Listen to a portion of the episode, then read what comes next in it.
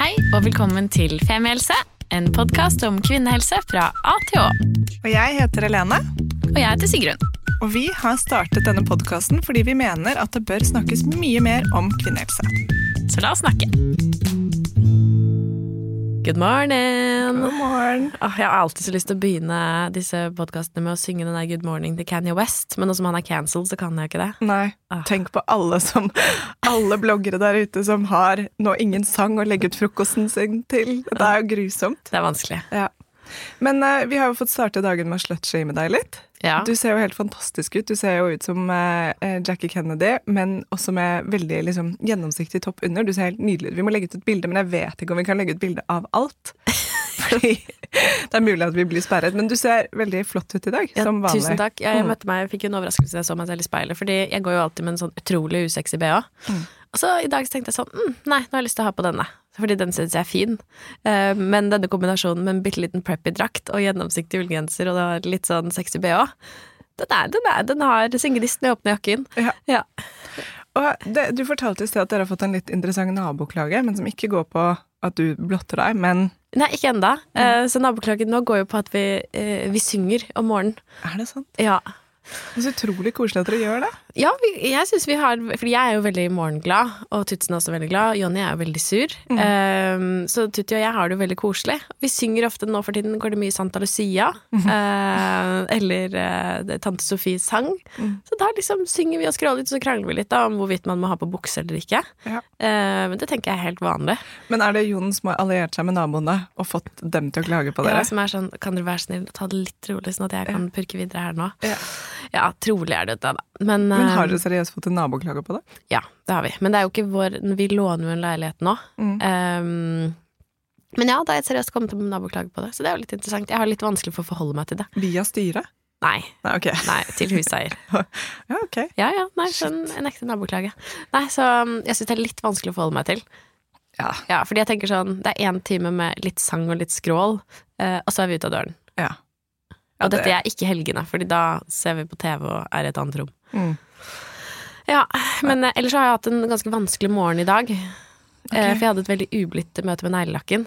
Å nei. Ja, for i går så investerte jeg i en sånn derre super quick dry seconds uh, neglelakk. Ja. Um, men jeg vet ikke hva som skjedde. Den bare sånn, jeg tok på et par lag, topcoat, undercoat, følte meg veldig profesjonell yeah. uh, til denne bitte lille drakten min. Mm. Og så vet ikke, altså uansett hva jeg kommer til, så bare liksom blir den smørt utover.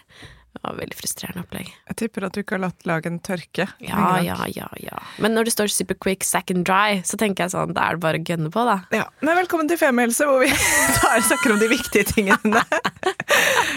ja. Og du, da? Eh, jeg har hatt det fint. Jeg har en god morgen. Udramatisk morgen. Veldig udramatisk morgen i forhold til hva du har vært igjennom. Shit. Men for en gangs skyld er det litt deilig at the chairs are turned around, da. Ja, ja, ja. det pleier å være motsatt. Ja. Nei, men greit, da. Nå har vi en litt sånn Fikk jeg tømt meg? Ja, så bra. En litt myk oppvarming til Mhm. eh, et litt mer eh, Kanskje alvorlig tema, men vi skal snakke om ganske mye eh, i dag, tror jeg. Jeg tror det kommer mye prat, i hvert fall. For vi er fire damer som prater en del i studio i dag. Mm. Uh, og dette er jo to stykker som vi er veldig glad i, og som vi har gledet oss skikkelig til å ha besøk av. Um, så velkommen til oss, Frida Marie og Kristina. Takk. Tusen takk. Så hyggelig å ha dere her. Det er veldig hyggelig å være her. Ja. Uh, kaffe har vi fått, og vi har til og med måttet starte introen på nytt fordi jeg holdt på å skravle i stykker eh, mikrofonen her når det ikke var min tur engang, så det er jo allerede, allerede duket for en pratsom pod. Ja, det er så Det er perfekt. Men um, for de som hører på som ikke kjenner dere, kan ikke dere begynne med å fortelle litt om hvem dere er? Har du lyst til å begynne, Frida? Ja, jeg kan starte. Jeg syns alltid spørsmålet er veldig vanskelig. Ja, jeg vet. Det er kjempevanskelig. Men jeg er jo en som er ganske engasjert, da, det må jeg vel kunne si. Eh, bruker mye tid på å snakke om forskjellige saker som jeg er opptatt av. Eh, blant annet vold mot kvinner, som vi skal snakke litt om i dag. Og eh, det har jeg fått jobbe med en del også, både i Amnesty og Redd Barna, eh, og gjennom andre initiativ. Og nå nylig så har jeg faktisk starta for meg selv, så nå skal jeg prøve, prøve å finne en eller annen måte hvor jeg kan eh, leve av det og være min eh, egen sjef, så det blir veldig spennende. Men jeg er i en litt sånn rar fase nå, eh, hvor jeg både er sykemeldt og skal bygge opp et firma, så tiden fremover blir spennende. Det er superspennende. og Du har jo også en veldig fin Instagram-konto som heter Frida Tegner, eh, hvor du løfter mange fine, men også viktige saker. Og jeg elsker hvordan du formidler der. Så så jeg anbefaler alle å sjekke ut den. Virkelig. Ja, Kristina. My, Ja. my long friend. Vi, sist vi møttes, var på flyplassen på vei til Parga. Det var det. det var, skulle vi, både, vi møtte hverandre både til og fra chartertur. Var veldig spente på vei til. Ja. Og litt sånn um, brune og brisende på vei hjem. ja. Det var så deilig. Ja, det var deilig. Åh, Det hadde vært godt å gjøre det nå, men det er fint å være her òg, altså. Uh, ja, jeg heter Kristina Frås. Eh, det kan hende at folk kjenner meg bedre som Kirsebærhagen. Det er egentlig ikke meg, det er et eh, gammelt hus som jeg kjøpte litt sånn langt ute i skauen for noen år tilbake. Eh, Så jeg jobbet lenge med sosiale medier, og så begynte jeg å pusse opp dette huset eh, og trengte en pause fra jobb, og så på en måte ble eh, sosiale medier rundt dette med oppussing og renovering og litt sånn sterke meninger og sånn, det ble, ble jobben min, og siden så har jeg holdt på med det. Så jeg er en av damene som står bak denne kontoen 1000 historier, og er generelt opptatt av ja, både kvinnesak og skeives rettigheter og, og, og mye forskjellig sånn samfunnsmessig, og så driver jeg også med fargerike ting, sånn ja, oppussing og klær og Mm. Syns at uh, mye er gøy. Åh, det er så mye god energi i det. Og det er veldig liksom, deilig det du sier, og jeg føler egentlig at um, vi er så heldige alle vi fire i rommet for å representere at karrierene våre er litt sånn um, vi snakket om det, det var kanskje litt sånn gammeldags uttrykk da jeg begynte å si at vi har som en twist-pose. Men at liksom At uh, det vi gjør, og det vi tjener penger på, er mange forskjellige ting. Det er veldig sånn sammensatt. Og det er som uh, Vi har Femihelse, hvor vi går ned i noen temaer som er mørke og vonde og triste og litt sånn håpløse. Og så er vi oppe og liksom spretter og lyser og bare kaster rundt oss med litt tulipaner. Og så gjør vi andre ting på siden, og Sigrun har en jobb som er mer i hennes passion innenfor liksom gjenbruk og klær og fashion. Og så er det liksom at vi får den At vi får lov til å plukke litt, da. At det ikke bare er og det kanskje vi kommer litt tilbake på, men når man er nede i det engasjementet, at man også har nettopp farger og interiør og klær og, og lys og, og på en måte også kan snakke om andre ting, da. At det er litt sånn Jeg føler meg i hvert fall veldig heldig som får lov til å gjøre det. Som er sånn, jeg vet ikke hva Og det er nettopp tilbake til det spørsmålet hvem, hva gjør du, hva er du? Bare mye. Mye forskjellig. Jeg Ja. tenker det er veldig bra å få mulighet til å gjøre litt av begge deler.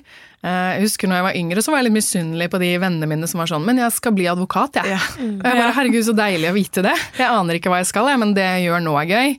Og så fører det kanskje med seg noen muligheter som kan være moro, og da takker jeg ja til det. Så veldig mange har det jo sånn at veien blir litt til mens man går, og da kan man leve av litt sånn mange forskjellige veier. Og som litt sånn kreative sjeler, som jeg tenker at alle vi i rommet her er, så er det veldig fint også, for man, man blir ikke da Altså, man trenger ikke å bli lei. Fordi, ja, man kan snu seg litt i alle retninger og gjøre litt forskjellig. Jeg må si, jeg synes det var noe av det mest forløsende med å starte Femihelse. Nettopp det spørsmålet sånn Ja, hva, er du, hva driver du med, da? Hva er du opptatt av? Har du en hobby, liksom? Som før har vært liksom, det verste spørsmålet jeg kunne fått. For sånn, nei, sånn vanlige ting. Sånn jogge litt og lage mat og sånn. Men nå er det sånn Ja, faktisk! Jeg har liksom en podkast om kvinnehelse. Jeg har begynt å strikke og liksom finne sånne små sånne gledespunkter i livet som jeg kanskje ikke definerte som det før. Og det har vært deilig. Ja, superbra. Og det kan være så mye, da. Det er jo det å ha en hund, eller liksom det å tegne, eller det å gå på tur. Det er liksom så mange ting som kan være en del av hva man er, og hvem man er. Og de, alle de tingene er like viktige for å funke. Det var så deilig å finne ut hva det er for deg. Ja, ikke Ja, det er veldig sant. Og Ja, det- det å tørre å gjøre det til en jobb, da. Det må jeg bare understreke at du har vært en kjempestor inspirasjon for meg, Lene. For å tørre å liksom hoppe i det og tro på at jeg kan klare meg på egen hånd. Jeg tror det gjelder så mange andre også, at de egentlig har lyst til det, og så går de en jobb de egentlig syns er litt sånn halvveis, eh, og så tør de ikke, eh, fordi de er redd for konsekvensene og kanskje ikke tjener nok penger og sånn. Men jeg tror hvis du har en skikkelig eh, god indre motivasjon, så, så kan du få til det meste. Det tror jeg også. Må jeg, bare, altså jeg må bare si en ting som har vært litt sånn der tryggende for meg når jeg har måttet hoppe fra litt sånn høye fjell inn i denne solokarrieren. At det er litt begrensa også hvor dårlig det kan gå. Altså For vi bor i Norge. Det er, det er veldig liten sjanse for at huset mitt eh, blir tvangssolgt hvis jeg har en dårlig måned. Eh, vi har et skikkelig bra sikkerhetsnett, og det kan, man kan leve litt trangt en stund òg. Så det er, på en måte, det er så begrensa hvor til helvete det kan gå. Og det, det syns jeg er litt motiverende. Ja, men det er et godt poeng. For alle der som sitter og tenker sånn Should I? Ja, og da vil jeg også si det, for nå sitter vi og liksom på en eller annen måte har tatt liksom litt eh, steg ut og gjort noe som kanskje ikke er sånn helt A4. Men jeg sto faktisk i dusjen i dag tidlig og tenkte på en ting. Fordi Sigrun og jeg driver og lager et eh, opplegg som dere skal få høre mer om senere. Og så fikk jeg helt sånn derre ah, sånn angstfølelse i kroppen. Sånn åh, å nei, skal vi ut og prøve å selge noe og gjøre noe og liksom tilby noe vi ikke har tilbudt før? Men så bare fikk jeg sånn Men det er jo for alle som man ser på Instagram, og som man beundrer, eller hvor enn man ser dem, og som man tenker sånn 'Å, hun eller han får til så mye'. De gjorde det for første gang, de også, én gang.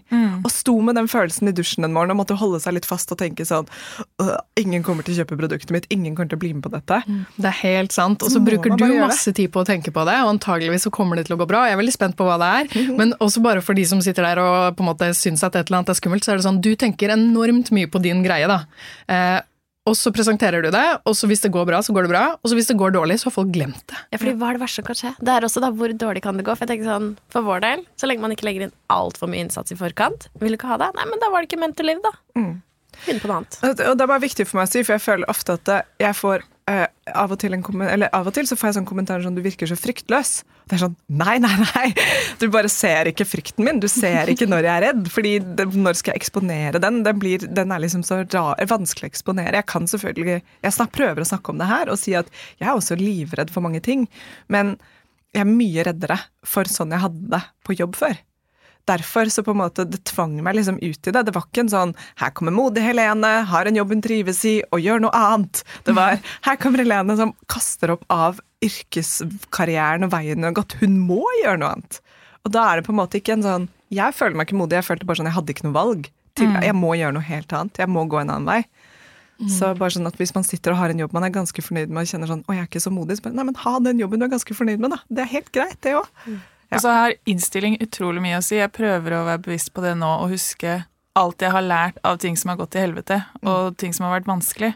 Ja, det var dritkjipt der og da, men det har lært meg hvordan jeg skal gjøre det neste gang. Og det er jo en kjempefordel når man skal prøve å jobbe for seg selv. Så det å se det positive i de dritkjipe tingene hjelper litt grann, det òg.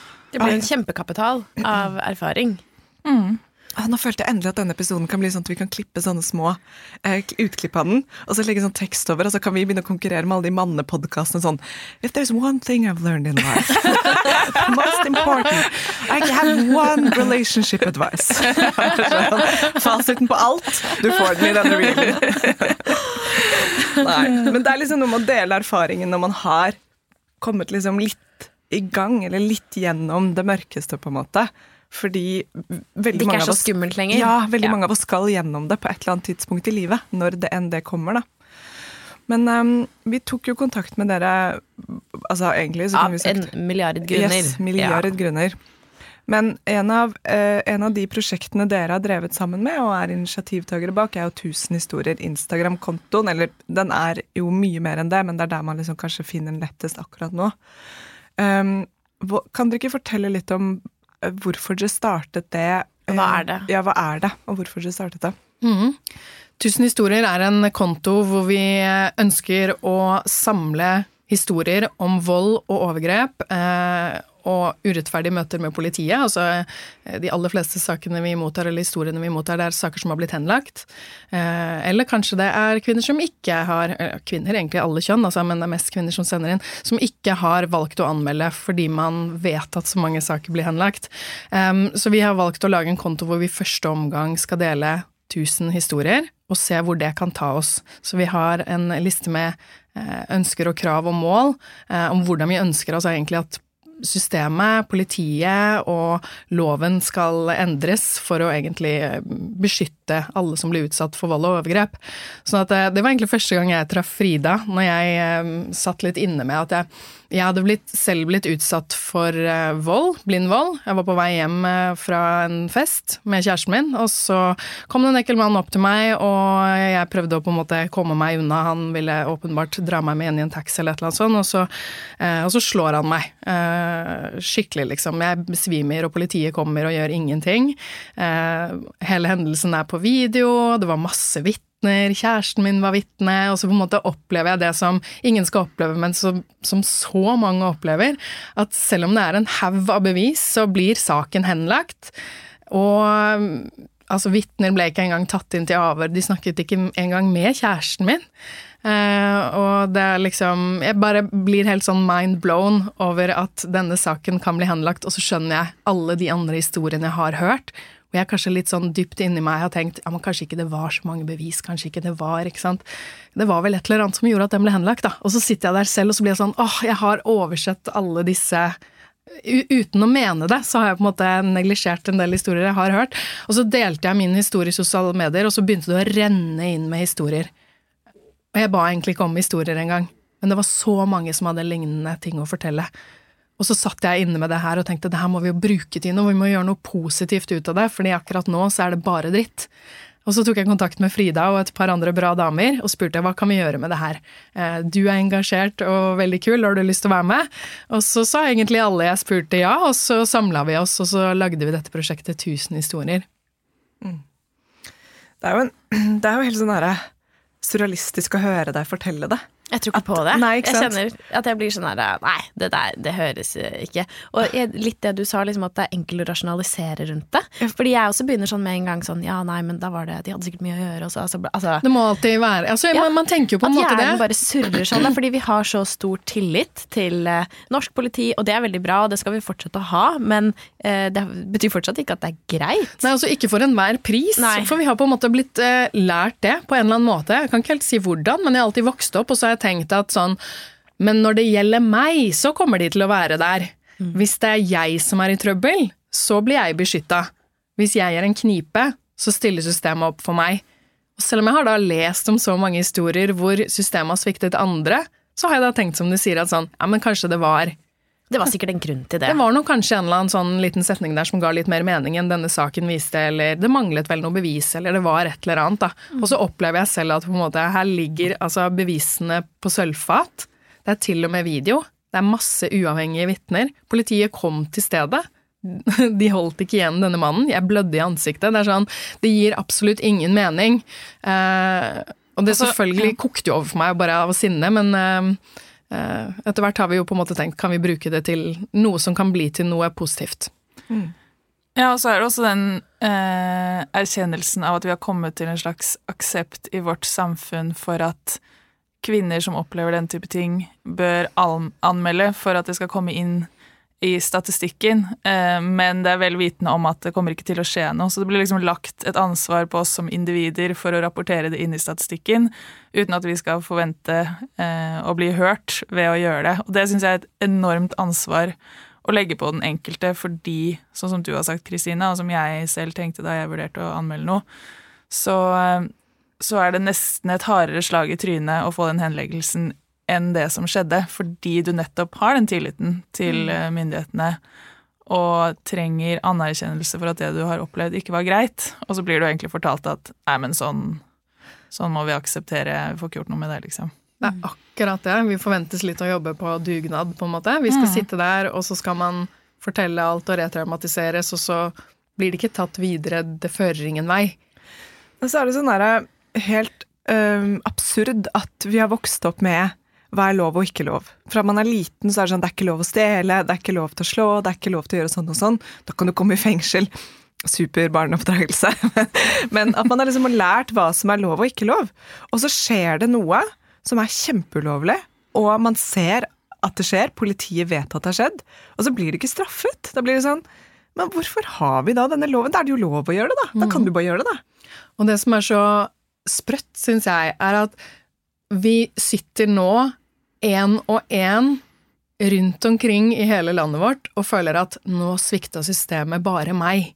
For det var det jeg kjente på eh, helt i begynnelsen, før Altså, at jeg er så heldig at jeg har en Instagram-konto med mange følgere, sånn at mange fremmede deler med meg, så jeg skjønner at jeg ikke er alene. Altså, det skal ikke være nødvendig å ha det for å, å ikke føle seg så innmari aleine. Jeg mener bare at vi sitter, og så blir vi på en måte, føler vi har sviktet av systemet, og så er vi ikke alene om det, men siden vi har blitt tillært at vi skal stole på systemet, så tenker, er det så enkelt å tenke men da var det bare meg i denne situasjonen, og det er nok noe galt med meg, og det var vel et eller annet jeg gjorde, og jo da, du hadde vel rett i at jeg var litt aggressiv når jeg sa nei til å ligge med han gamle mannen.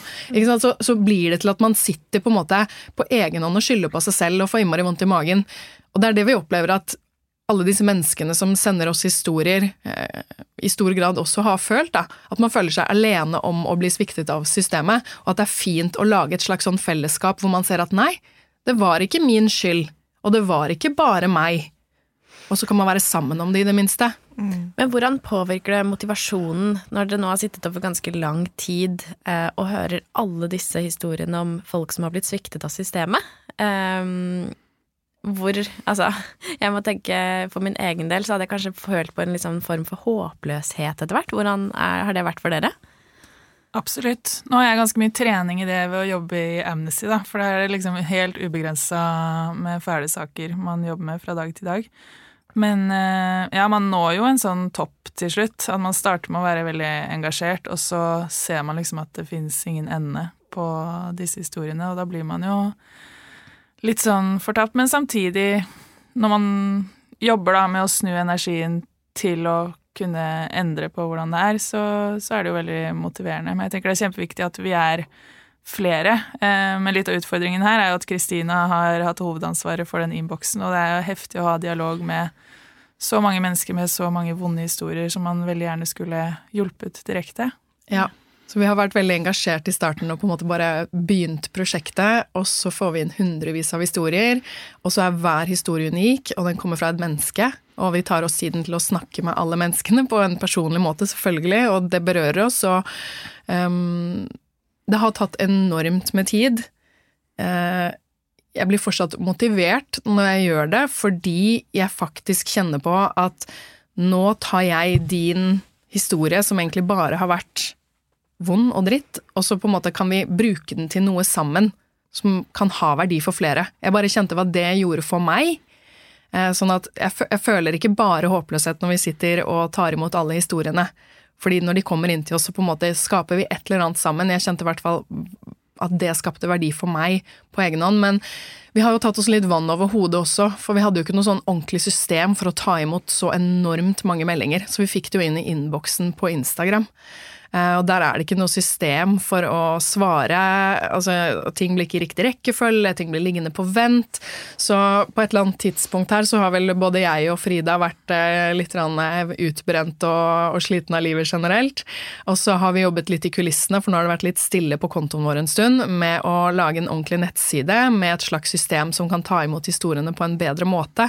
Sånn at vi f.eks. ikke risikerer å få meldinger inn som vi ikke rekker å svare på, for Instagram sletter de og sånn. Eh, for det har vært et issue. Ja, det er veldig spesielt det der med når man åpner opp, og så får man meldinger. Vi kjenner jo på det sånn eh, veldig på Femihelse også, når vi får meldinger om hva som helst. ikke sant? At vi har lyst til å svare så godt vi kan, og så eh, fra et hyggelig sted, ikke sant? Og, og fra et ærlig sted. Og så får vi alle disse historiene som er sånn Lange, kompliserte, ja. personlige ofte, Og triste, liksom, ikke sant? Ja, sånn Og ofte et rop om hjelp, da, mm. med folk som ønsker vår ja, våre tanker om ting. Så kjenner meg veldig godt igjen i det, og at det krever et overskudd for i det hele tatt å åpne innboksen. Um, ja, for å liksom å kjenne at sånn Ok, nå er jeg klar for å svare på den måten som trengs. Men, og som de fortjener, ikke sant? Ja. ja. Og det er liksom den Uh, og der, er jeg sånn Jeg en del ganger på Instagram, hvis ikke det er noen som trenger å skrive svart på hvitt, så svarer jeg bare med tale.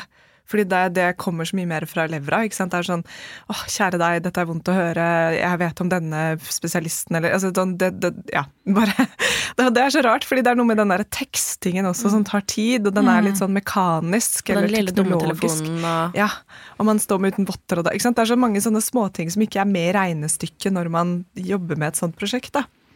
Men jeg, jeg, jeg får jo en sånn derre um, uh, tanke da, som jeg også tenker at er viktig å dele når, man, når vi snakker om dette. fordi da vi startet Femihelse høsten 2018, så var det ingen som snakket om endometriose. Og jeg, vi tar ikke æren for det, men vi var med og liksom dyttet i gang. Og fikk inn uh, Tina Tellum til, og, og så videre. Og så har så mange i dette landet begynt å snakke høyt, og liksom æren ligger jo i alle kvinner som deler på sine kanaler at de har endometriose. Og andre, andre kvinnehelserelaterte ting. Yes, mm. absolutt. Men bare som, som eksempel, altså plutselig nå så er liksom Endometrioseforeningen skikkelig oppe og står, eller ja, altså sånn, De burde fått mye mer penger, og alt det, men de har i hvert fall råd til å ansette en fulltidsperson. Det er sånn, Ting skjer, da. Mm. Og det er det som er at man begynner, så er bare sånn her Innboksen er full, alt er håpløst, det funker ikke. Så sakte, men sikkert, da bare kan man være med på å endre, men det skjer liksom ikke over natten. Og det er så mange eksempler på det at man må liksom bare, man må bare Når man begynner med noe, man bare vite sånn dette er for det lange løp, liksom. Dette er mange år med å stå i det. Og på en måte bare holde ut, og så liksom Ja. Og da syns jeg det er interessant, jeg er litt spent på hva dere tenker om det, men um, at dette med liksom et engasjement for en sak som man liksom virkelig brenner for, kan den fakkelen på en måte brenne evig når det kommer til liksom kapasitet og uh, virketrang og ja, liksom hvorvidt man klarer det? Fordi for meg så er det liksom det er en helt annen måte å bruke energi på. Vi eh, arrangerte jo annet en stor demonstrasjon for svangerskap, fødsels- og barselsomsorgen i våres, som var veldig stort og veldig viktig for oss. Og vi jobbet med det i månedsvis, og det var en ekstremt liksom sånn, hva skal man kalle det, en topp da, på den engasjementspyramiden.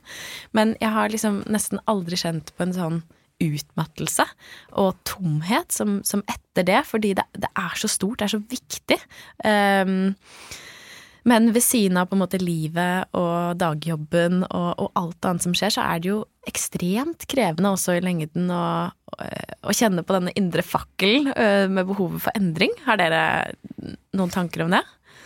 Absolutt. Eh, jeg tror alle som jobber i organisasjoner med et eller annet politisk mål, kjenner på det. Eh, og at det er noen begrensninger der, også fordi det tar jævlig lang tid å få gjennom en endring. Ikke sant? Skal du endre en lov, det tar kanskje opp mot ti år, da, liksom. Så eh, da er det jo kjempemotiverende i en periode å klare å skape masse engasjement rundt en sak, men så er det ganske mye som må skje etter det for at det faktisk blir innført en faktisk endring i systemet, og det kan jo være ganske sånn demotiverende. Eh, men er det noe jeg har lært ved å jobbe i organisasjoner, så er det jo også ha en litt større forståelse for hvor viktig det er at det også tar litt tid med noen endringer, sånn at det ikke blir feil.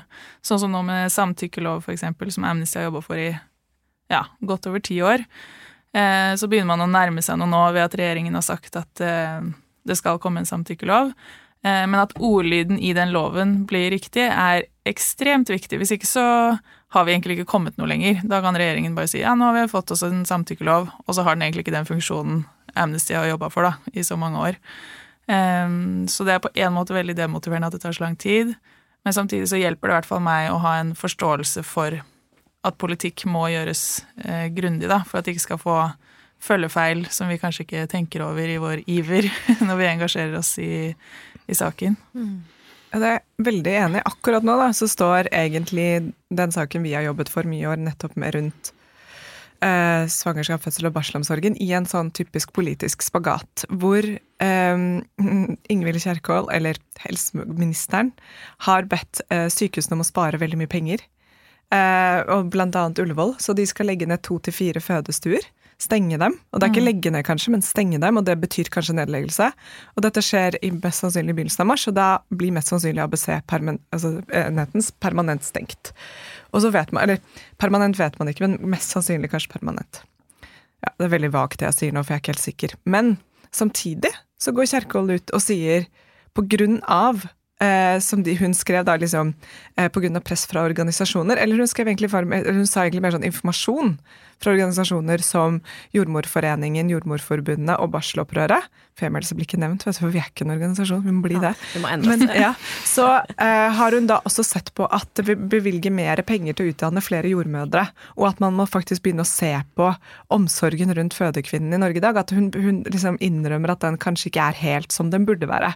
Så det er sånn Ok, men hvis du står på den ene siden, så bare stenger du liksom fødestuer. Og, og den ene liksom, differensierte fødselsomsorgstilbudet vi har i Oslo. Men på den andre siden så sier du sånn Shit, jeg ser at dette ikke er bra nok. Så politikk er jo bare sånn mm. Er det mulig, ja. liksom? Mye selvmotsigelse. Liksom? Ja. ja. gi penger til Ullevål, da, så de kan, det, strømmen er dyrere, og de går på akkord med seg selv og bruker masse Ledelsen der bare surrer med masse ja, vikarer og det ene og med det andre. Men det er helt sånn det er kjemperart å sitte på utsiden og se på sånn Er det bare vi som skjønner at det her er helt teit? Det bare funker ikke. Kjempefrustrerende. Veldig. Ja, men da blir jeg også takknemlig for at vi har lagt inn så mye innsats dette året at når det nå går råkt åt helvete, så er det allikevel noe på andre siden som på en måte vipper det litt opp igjen. For hvis nå alt bare ble stengt ned, og Kjerkol var helt stille, så hadde det jo vært helt grusomt. Da hadde man jo bare sett på en liksom, degenerering og ikke noe regenerasjon på andre siden, da. Mm. Ikke noe igjen for arbeidet man gjør. Yes. Og hun har jo vært stille helt fram til nå, så det var Ja. bra det kom. Ja, veldig. Ja, nei, så det er sånn Det er liksom den derre uh, ett skritt fram og to tilbake, og noen gang fem skritt fram og ett tilbake, så det er helt sånn derre Det er en rollercoaster å være med på. Men jeg vil bare skyte inn her, apropos eh, den jobben dere har gjort, og så har du behov for å si sånn Ja, det er, det er jo ikke vår fortjeneste, men jeg vil bare si at dere har gjort en sykt viktig jobb, eh, begge to, i mange år nå. Og virkelig, kvinnehelse har jo en helt annen status. Eller bare sånn Det er noe vi snakker om nå i så mye større grad enn tidligere. Og ja, det er mange som har bidratt der, men jeg mener at dere har lagt et ekstremt viktig grunnlag da, for at andre stemmer også skal kunne poppe opp eh, og tørre å snakke om det her. Så det må Ja, det dere er virkelig ta til dere. Helt enig, Og det eksempelet med endometriose, for eksempel. Altså, nå er det noe alle, i hvert fall alle i våre sirkler, på en måte snakker om og vet hva er og bryr seg om. Og så er det faktisk bare noen år siden vi aldri hadde hørt om det. Og det tror jeg at du skal tørre å ta litt ære for, om ikke er en organisasjon. Nå sitter vi og marinerer i sånn her. Ja, så deilig. Jo, men, ja, men jeg kan kjenne på sånn Jo, faktisk, det har vi gjort. Og så- men så er det deilig å inkludere at vi liksom er en gjeng som gjør det også. Og det gjør også at engasjementet er lettere å fortsette med, ikke sant? fordi at vi er så mange som snakker om det nå. Men jeg er helt sikker på at fordi at vi fikk ideen til Femihelse, så har vi fått en ball til å begynne å rulle litt. Og det er sykt deilig å ha med seg videre i livet. Det er virkelig sånn wow, tenk, liksom. Og for å liksom være litt klisjé, bare det at vi har hjulpet noen, altså sånn fem stykker, er jo fantastisk. Hvis, altså Det er at Vi, det er nok, ikke sant? Så det er, ja. Nei, det er uh, superfint. Men eh, ja, tilbake igjen til dette med engasjement da, over lang tid. Så er jo det uh, noe vi alle har liksom kjent på kroppen. Men Um, nå Frida har jo du vært ganske sånn åpen med at du, har, at du er eh, litt utbrent. Uh, Eller litt utbrent, du er utbrent. samtidig som du bygger opp en ny uh, karriere. Kjenner du at liksom Det er et litt ledende spørsmål, men jeg har hvert fall sånn at jeg har sånn forskjellige energikontoer. Hvordan føler du liksom at det er for deg nå å på en måte ha det engasjementet, men også være innmari sliten? Nå, bare de siste ukene, så føler jeg faktisk at det har løsna litt. Så eh, nå har jeg det bedre enn jeg har hatt på over et halvt år. Hurra! Og det er så deilig, fordi den opplevelsen er så annerledes fra hvordan hele høsten eh, har vært. Og jeg tror jo det har mye å si, da. Nettopp at jeg har turt å satse på meg selv eh, og gjøre fine ting for meg selv. eh, Og ikke bare gå rundt og liksom eh, tenke på hva, hva som hadde vært best sånn karrierestigemessig, eller hva liksom samfunnet forventer. Nå har jeg turt å bare satse på eh, det jeg syns er gøy, og det som gir meg mening. Så får vi jo se om jeg klarer å få noe lønn ut av det til slutt. Men jeg har blitt veldig bevisst på at alle sånne små valg du bare gjør for deg selv, endrer litt mentaliteten din og hvordan du har det. Fordi da kan du fortsatt møte på dritt og vanskelige situasjoner. Eh, Men det å starte hver dag med å gjøre noe fint for seg selv, og faktisk i det hele tatt anerkjenne at det er noe du bør gjøre, det tror jeg har masse å si. Mye mer enn vi er klar over. Tror du at du kommer til å, å greie å tjene penger på dette? da? Eh, og det syns jeg er skummelt å si, men ja, når jeg er sånn helt rasjonell og ikke driver og overtenker, så tror jeg jo at det skal gå greit. Ja. Og så prøver jeg også å være litt sånn bevisst på at ja, hva er egentlig nok å tjene da, for å få ting til å gå rundt? Eh, og hva er å tjene masse penger så du har kjemperomslig økonomi? Det er ikke det som trenger å være mitt første mål, liksom. Eh, jeg tror jeg kommer til å være så mye mer lykkeligere av å kunne holde på med de prosjektene jeg brenner for, at det i seg selv betyr så mye mer enn den årslønna, da. Men målet er jo selvfølgelig å kunne eh, ha litt romslighet, i hvert fall. Ja, og dette her er en sånn en ny fakkelsak for meg. Jeg er virkelig en sånn kampsak. Jeg møter så mange kvinner på min vei. Eh, som enten er liksom eh, yogainstruktører eller coacher, eller jobber med sosiale medier eller contentproduksjon, eller hva enn de gjør. Og så er vi, og jeg tar med meg selv i regnestykket, helt sånn usikre på dette med om vi kommer til å tjene penger. Og usikre på hvordan vi skal få det til, og redde for å ta betalt. Og på en måte sånn, å, kan vi ta liksom 2000 for en time med noen, eller liksom, og på en måte hjelpe dem, eller hvordan gjør vi dette? Og så blir jeg sånn, altså penger er makt. vi må begynne å tjene masse penger for å liksom bare være en del av maktbildet, og for å ha overskudd til å dra til Hellas. Eller til å ta den massasjen, gå til psykologen når det er for lang kø et annet sted, eller liksom kiropraktor fordi du får migrena hvis du ikke får fikset nakken din. Alle disse tingene må vi ha penger til.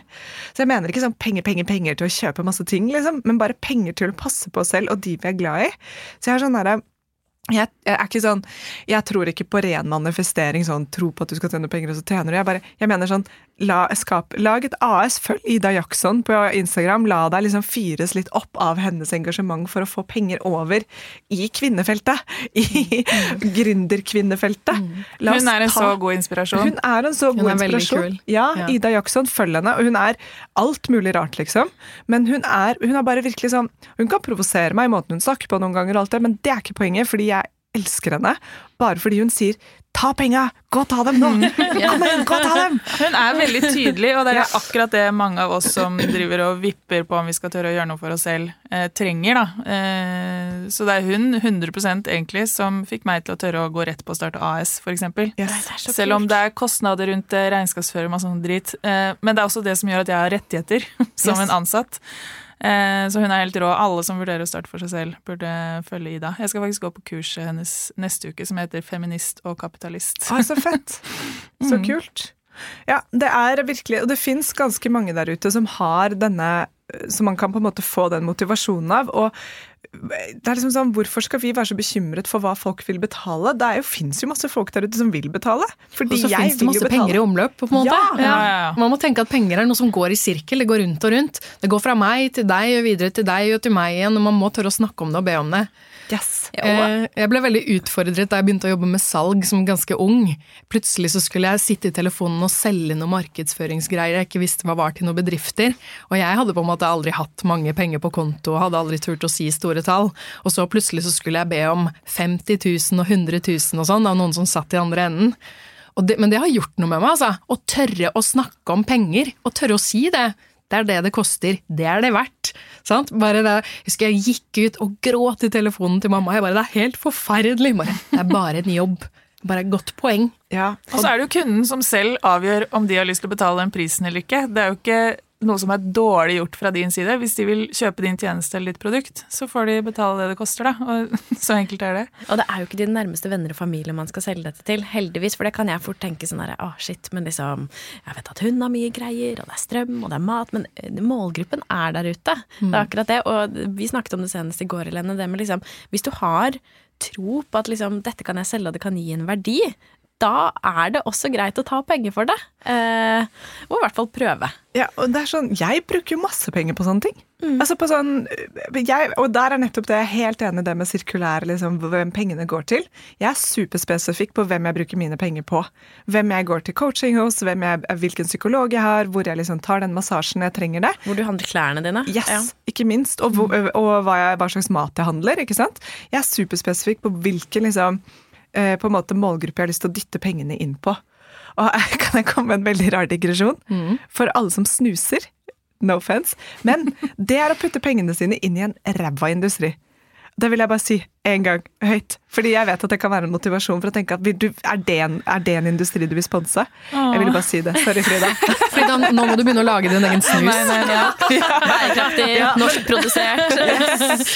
Feministisk kvinnesnus. Rosa snus. Ja. Nei, det var ikke meningen å liksom virkelig ødelegge morgenen eller dagen til noen med den snushaten, men jeg bare er blitt så bevisst på liksom hvor jeg putter de pengene. Fordi de pengene og hva betyr det? Ja, og de mm. pengene skal jo komme tilbake til meg på et eller annet tidspunkt, fordi folk er sånn Ja, det vil jeg bruke penger på. Mm. Mm. Og det tror jeg er det som kommer til å være motiverende. Jeg er så eh, fornøyd med at du har gått solo, Frida. og Det kommer til å gå som ei kule. Nå kan du gjøre de tingene du må for å tjene penger, men så kan du også bruke tid på ikke sant? prosjekter som du egentlig ikke tjener penger på, men som du brenner for, og hvor du kan velge hvor du skal legge tiden din. Det er det jeg elsker med å ha gjort dette her med sosiale medier og, og, egne prosjekter veldig lenge.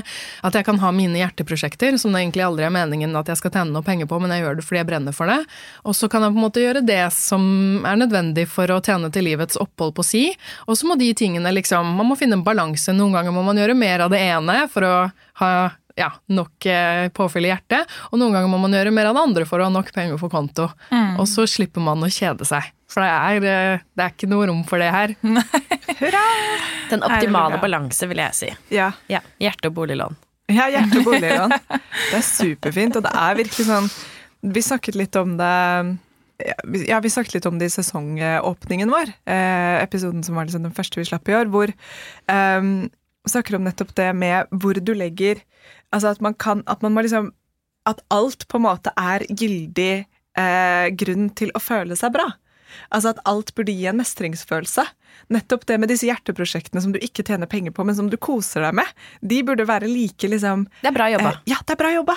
Valid, liksom. Gratulerer, du satt og tegnet eller koste deg eller strikket, eller jeg lå og sov tre kvarter foran peisen. Jeg var en katt i tre kvarter. Dritbra jobba, liksom. Jeg gjorde det for meg selv. Og for hjertet mitt. Ja. Og det er jo blitt sånn, ja, men akkurat det der med å tenne masse lys, tenne i peisen, og så legge meg på madrassen foran og sove i tre kvarter, og så våkne opp og ha sånn megagod samvittighet for at jeg har gjort en skikkelig innsats. Ja. Det hørtes veldig deilig ut. Det tror jeg må øve meg litt på. Og Gi meg selv kred for liksom det å slappe av, eller det sånn 'nå koste jeg meg', eller ja. Men ehm, en ting jeg syns har vært bare sånn, det, det handler om noe alle det samme. Eh, en ting jeg syns har vært litt vanskelig med å komme litt sånn tilbake til livet og liksom bare sånn det nye året, og man skal gå på sosiale eventer og møte mennesker, så spør alltid mennesker i bransjen sånn 'ja, hva jobber du med for tiden'? Og personlig så har jeg vært litt sånn sliten og utbrent for tiden, ja, men jeg har begynt å gå til psykolog og sånn, så jeg har øvd meg på å svare sånn 'jeg jobber med meg selv'. Å. Og det har vært så deilig å kunne si det, og så bare prøve å stå litt sånn stødig i det. Ja, jeg jobber og sånn, men det er ikke det jeg primært har fokuset mitt på. Akkurat nå jobber jeg aller mest med meg selv, og litt sånn baby steps altså framover. Sånn at ikke jeg skal bli utbrent igjen i 2023, som er eh, også et godt mål å ha, tenker jeg da. Eh, Og kanskje enda viktigere enn på en måte det prosjektet jeg jobber med på jobben, eller de artiklene jeg skrev som jeg fikk betalt for, da. Um, Så akkurat nå så er det også fint å kunne jobbe litt med seg selv. Så fint. Men- jeg synes en, en annen morsom ting som hadde vært gøy å si sånn Jeg jobber med å virkeliggjøre drømmen min. Hva er drømmen din? altså Ha det!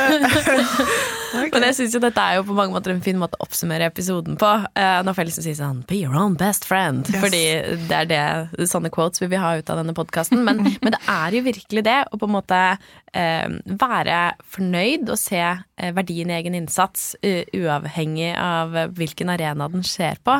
Og der eh, må jeg si at jeg syns at dere begge to er liksom superinspirerende. Og én ting er fordi dere har måte valgt å gjøre deres en greie, men det andre er jo fordi dere er så åpne om alle fasettene det krever.